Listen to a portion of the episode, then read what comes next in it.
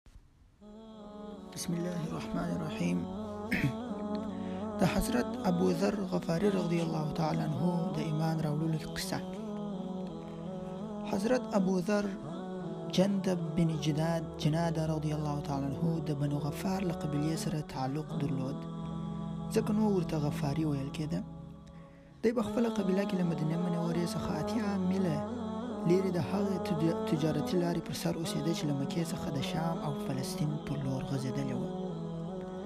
نوموړي تر اسلام راوړلو مخکې هم له شرک کفر ظلم او ناروا څخه کرکه او نفرت درلود له بدو کارونو څخه بېزاره و او له نیکو کارونو سره یې علاقه درلوده له خپل ځان څخه یې خپل ځان یې څخه د الله جل جلاله د عبادت یو طریقه غوړه کړې و همیش په ذکر او اذکار بوخت او د شپې له خوا الله جل جلاله ته پر سجده پروت پر خله یې تل لا اله الا الله کلمه جاری و خلک حیران و چې دا دی څه کوي او څه وایي نوموړي له دنیاوي خوندونو سره هیڅ شوق نه درلود چې به په لاس ورتله پر خواره غریب به یې تقسیمول تل به د محتاجو او بېوزلو په خدمت کې ولاړ و تر خپله واسه به یې ډېر خیریه کارونه کې برخه اخیستل تر دې چې په خپله ټولنه کې یې په خورا امین مصلح صادق او غیر او خیرخوا انسان سره شهرت درلود د صحیح بخاری د باب المناقب فباب القصه زمزم کې له حضرت ابو هريره رضی الله تعالی عنہ څخه روایت دی چې یو وخت موږ د حضرت ابن عباس رضی الله تعالی عنہ ته وویل ایا خوښ یو وخت موږ ته حضرت عباس رضی الله تعالی عنہ وویل ایا خوښ مونږ نه چې زه او تاسو ته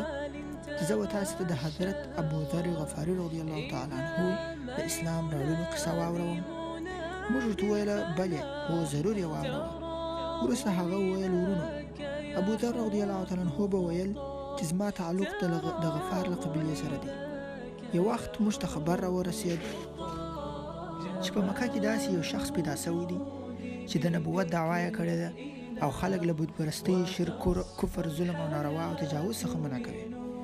او ورته وایي چې صرف د الله جل جلاله عبادت کوئ، نیک کارونه وکړئ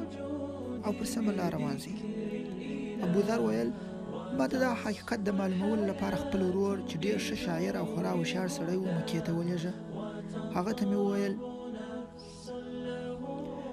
ته ولاړ سه خپله له هغه شخص سره خبرې وکړه او د هغه ټول حالات ما ته راوړه هغه و چې زما ورور مکې ته ولاړ له رسول الله صلی الله علیه وسلم سره یې ولیدل کله چې هغه له مکې څخه بیرته راستون سو نو ما ورځینې وپوښتل وروره څه خبر دې راوړي دي هغه راته وویل په خدای قسم هغه سړی چې د نبوت دعوا یې کړې ده خورا نیک او صالح انسان و خلک یې له شرک کفر منع کول او صرف د الله جل جلاله عبادت یې راګرځول د ښو کارونو امر یې کاوه او له بدو څخه یې نفرت ښکاره کاوه لیکن خلکو ورته شاعر جادوګر وایه او د ډول ډول تکلیفونه یې ورسول د دغو خبرو په اورېدلو سره د ابوذر رضی الله تعالی عنه په زړه کې له رسول الله صلی الله علیه وسلم سره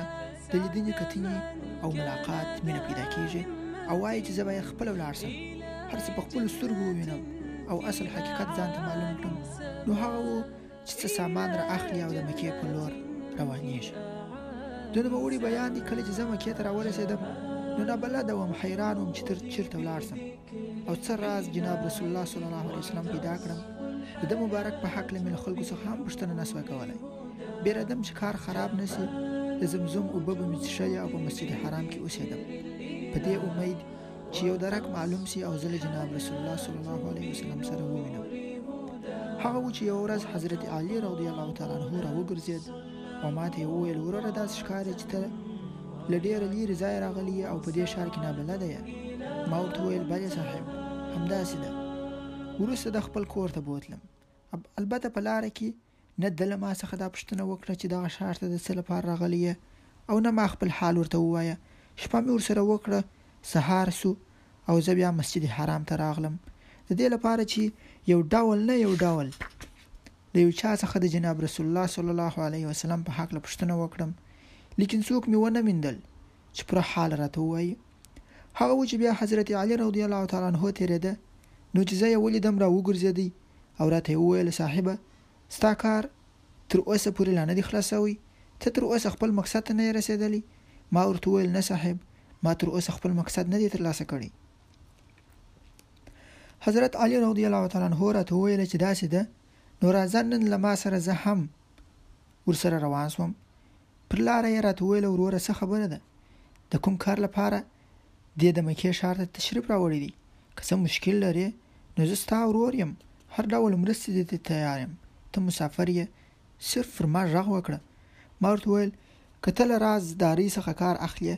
او زما سره وعده کوې چې زما خبره به نه رسوا کوې نو زه به خپل مشکل تا ته بیان کړم حضرت علی رضی الله تعالی عنه راته ویل وروره زما له طرفه خو بالکل مطمئن اوسه ما خپل ورور وګڼه زه به ستا راز پټ ساتم تر دې وروسته ما ورته ویل ما ته اطلاع را رسېدلې ده چې په دې ښار کې یو شخص پیدا شوی دی چې د نبوت دعوا یې کړې ده. د حقیقت معلومولو لپاره ما لومړی خپل ورور راواستوه چې له هغه شخص سره له نږدې خبرې وکړي. لیکن کله چې هغه بیرته راستون شو نو ماته یې تسلي بخښونکي خبرونه رانه وړل. زما اطمینان حاصل نه شو. هغه و چې ما اراده وکړه چې زه خپله ورشم او له دغه شخص سره له نږدې وګورم. البته اوس زه بېرېږم د ده په اړوند له چا څخه پوښتنه نه شم کولای، هسې نه چې څوک یو تاوان را ورسوي. حضرت علی رضی الله تعالی عنه راته وفرمایل چې داسې ده نو بیا خو ته په خپل مقصد کې بریالی شوې، زه همالته روان یم، ته زما تر شا پسې راځه، په لاره کې که زه له یو داسې شخص سره مخامخ شوم چې سبا ورځ تاته تاوان رسولی شي، نو زه به له هغه سره نږدې یو دېوال ته ودرېږم، هغه ته به داسې په نظر ورکړم چې زه د چوټي تسمه تړم نو په ته به له هغه ځایه تیر سې هغه و چې حضرت علي رضی الله تعالی عنہ مخته او ابو ذر شاته روان و اخر دواړه د جناب رسول الله صلی الله علیه وسلم ځای ته ورسېدل د ابو ذر بیان دی ما چې کله د جناب رسول الله صلی الله علیه وسلم سره ملاقات وکړ نو مې ورته وویل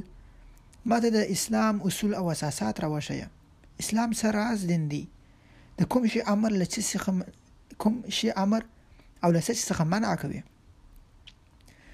رسول الله صلی الله علیه وسلم په دې حق لماته پوره تفصيلات راکړل هر څه ماته روښانه سول او په هر څه زه خورا ښه خبر سوم ماته د تر د هر څه حقیقت معلوم سو ځکه نو زه بې له ځنډه پر هماغه ځای مسلمان سوم وروسته د مبارک راته وفرمایل ای ابو ذر دغه معامله په را په راز کې وساته چاته بیان مه کوه ځه ولاړ شه خپل ښار ته تر هغه وخته چې تاته دا معلومیږي چې مسلمانان قوت میندلی دی او د دین د پراخت د پراختیا کار یې پیل کړی دی تر هغه په خپل ښار کې اوسه د ابو ذر بیان دی چې ما ورته ویل یا رسول الله زما دی قسم په هغه ذات چې ته په حق سره رسول راستولی زه نور له هیچا څخه نه بیریږم ماته هر څه روښانه شول د اسلام خوند می ولیدی زه ځم په ډاګه په مکه کی د مسلمانیدو اعلان کوم جناب رسول الله صلی الله علیه وسلم چې د ده دومره ستر جذبات ولیدل نو یې څه ونه ویل همداسې چپ پاته شو ابو ذر ولاړ او په مسجد حرام کې د قریشو په وړاندې ودرېد او یې ویل ای قریشو زه دا اقرار کوم چې د الله جل جلاله څخه پرته بل هیڅ معبود نسته او زه دا اقرار کوم چې محمد صلی الله علیه وسلم د هغه بنده او رسول دی قریش ویل دغه بې دینه ونیسي دومره یې ووهي چې بیا بل وخت داسې خبره ونه کړي هغه و چې دوی زما وخوا ته رانږدې سول زه یې دومره ووهلم چې مرګ ته یې ورسولم که ګورم چې حضرت عباس رضی الله تعالی عنه راغی هغه چې زه په داسې حال کې ولیدم نو همداسې را باندې وغوړید وروسته د قریشو و طرف ته متوجه سو او یې فرمایل ای بدبختو انسانانو افسوس دی ستاسو پر حال دا شخص تاسې نه پیژنئ چې څوک دی دا د غفار قبیلې یو شخص دی اوس تاسې د غفار قبیلې خلک په قتل په قتل رسوي ایا تاسې په دې پوهېږئ چې ستاسې د تجارت لاره پر هغوی سپره ده او ستاسې ټولې قافلې پر هغه لاره تېرېږي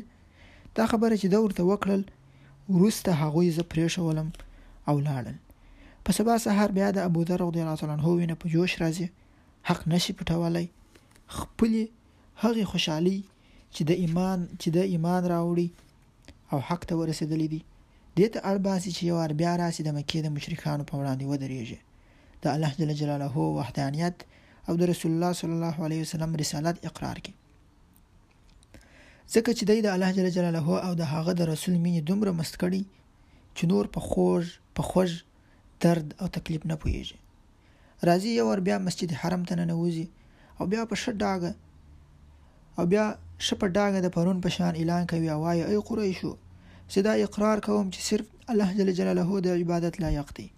له ده څخه پرته بل هیڅوک معبود نشته او محمد صلی الله علیه وسلم د هغه بنده او رسول دی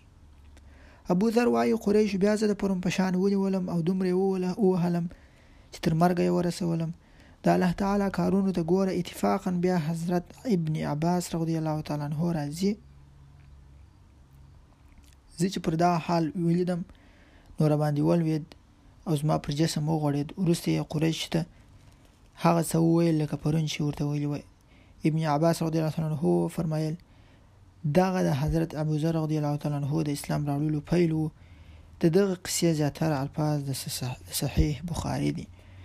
تر دغه واقعې وروسته ابوذر رضی الله تعالی عنه خپل وطن ته ولاړ خپل کورنۍ او قبیلې ته د توحید بلنه ورکړل چې له عمله یې د هغه سیمې زیاتره خلک په اسلام مشرف سول لکه مخکې چې موږ ویل حضرت ابوذر رضی الله تعالی عنه د ښو اخلاقو یو اعلی نمونه و چرته چې به د خیر یو کار کېده ده مبارک به ځان ورساوه، د خیر په کارونو کې یې هیڅ قسم لټي جایز نه بلل، د دنیا له خوندونو او شتمنیو سره یې هیڅ علاقه نه درلوده، کوم مال او دولت چې په لاس ورتله سمدستي به یې پر غریبانو، محتاجانو او بې وزلو تقسیمول، یوه ورځ د امتحان په ډول د تحفې په شکل حضرت معاویه رضی الله تعالی عنه یو څه پیسې ورواستولې، هغه سمدستي بې وزلو او غریبانو ته ورولېږلې. په سبا حضرت معاویه رضی الله عنه یې سړی ور واستو وی ویل ابو ذر رضی الله عنه ته وایه چې پرون ورځ ما سره زما سړی سهو شوی وو ما پیسې بل چاته ولېږلې هغه پر غلطي کې تا ته درکړې دي نو مهرباني به دې وي که دې زما هغه پیسې بیرته راکړې د حضرت معاویه رضی الله عنه مطلب دا وو که چیرې له ابو ذر رضی الله عنه سره هغه پیسې موجودې وي نو به ورته وایي چې ته خو تر یوې ورځې زیات مال له خپل ځان سره یو ځای کول ښه نه بولې نو بیا دې په خپله ولې عمل نه دی په کړی هغه سړی چې راغی ابو ذر رضی الله تعالی عنه ته وویل چې حضرت معاویه داسې ویل هغه ډیر سخت پریشان شو او ورته ویل او دا څنګه کار وسو هغه پیسې خو ما په هم هغه وخت ځینې محتاجانو ته ورولېږلې زه څه خبر وم چې قصه دا ډول ده دا به څنګه کیږي زما سره اوس هیڅ نشته چې بیرته یې حضرت معاویه رضی الله عنه ته ورکړم قاصد بیرته راغی حضرت معاویه رضی الله عنه ته دا قصه وکړه چې هغه وايي پیسې زما له لاسه وتلې دي حضرت معاویه رضی الله عنه چې دا خبره واوریدل نو یې وویل رښتیا هم ابو ذر یو صادق انسان دی څه چې بل ته وایي تر ټولو مخکې په هغه خپل عمل کوي ومن الله توفيق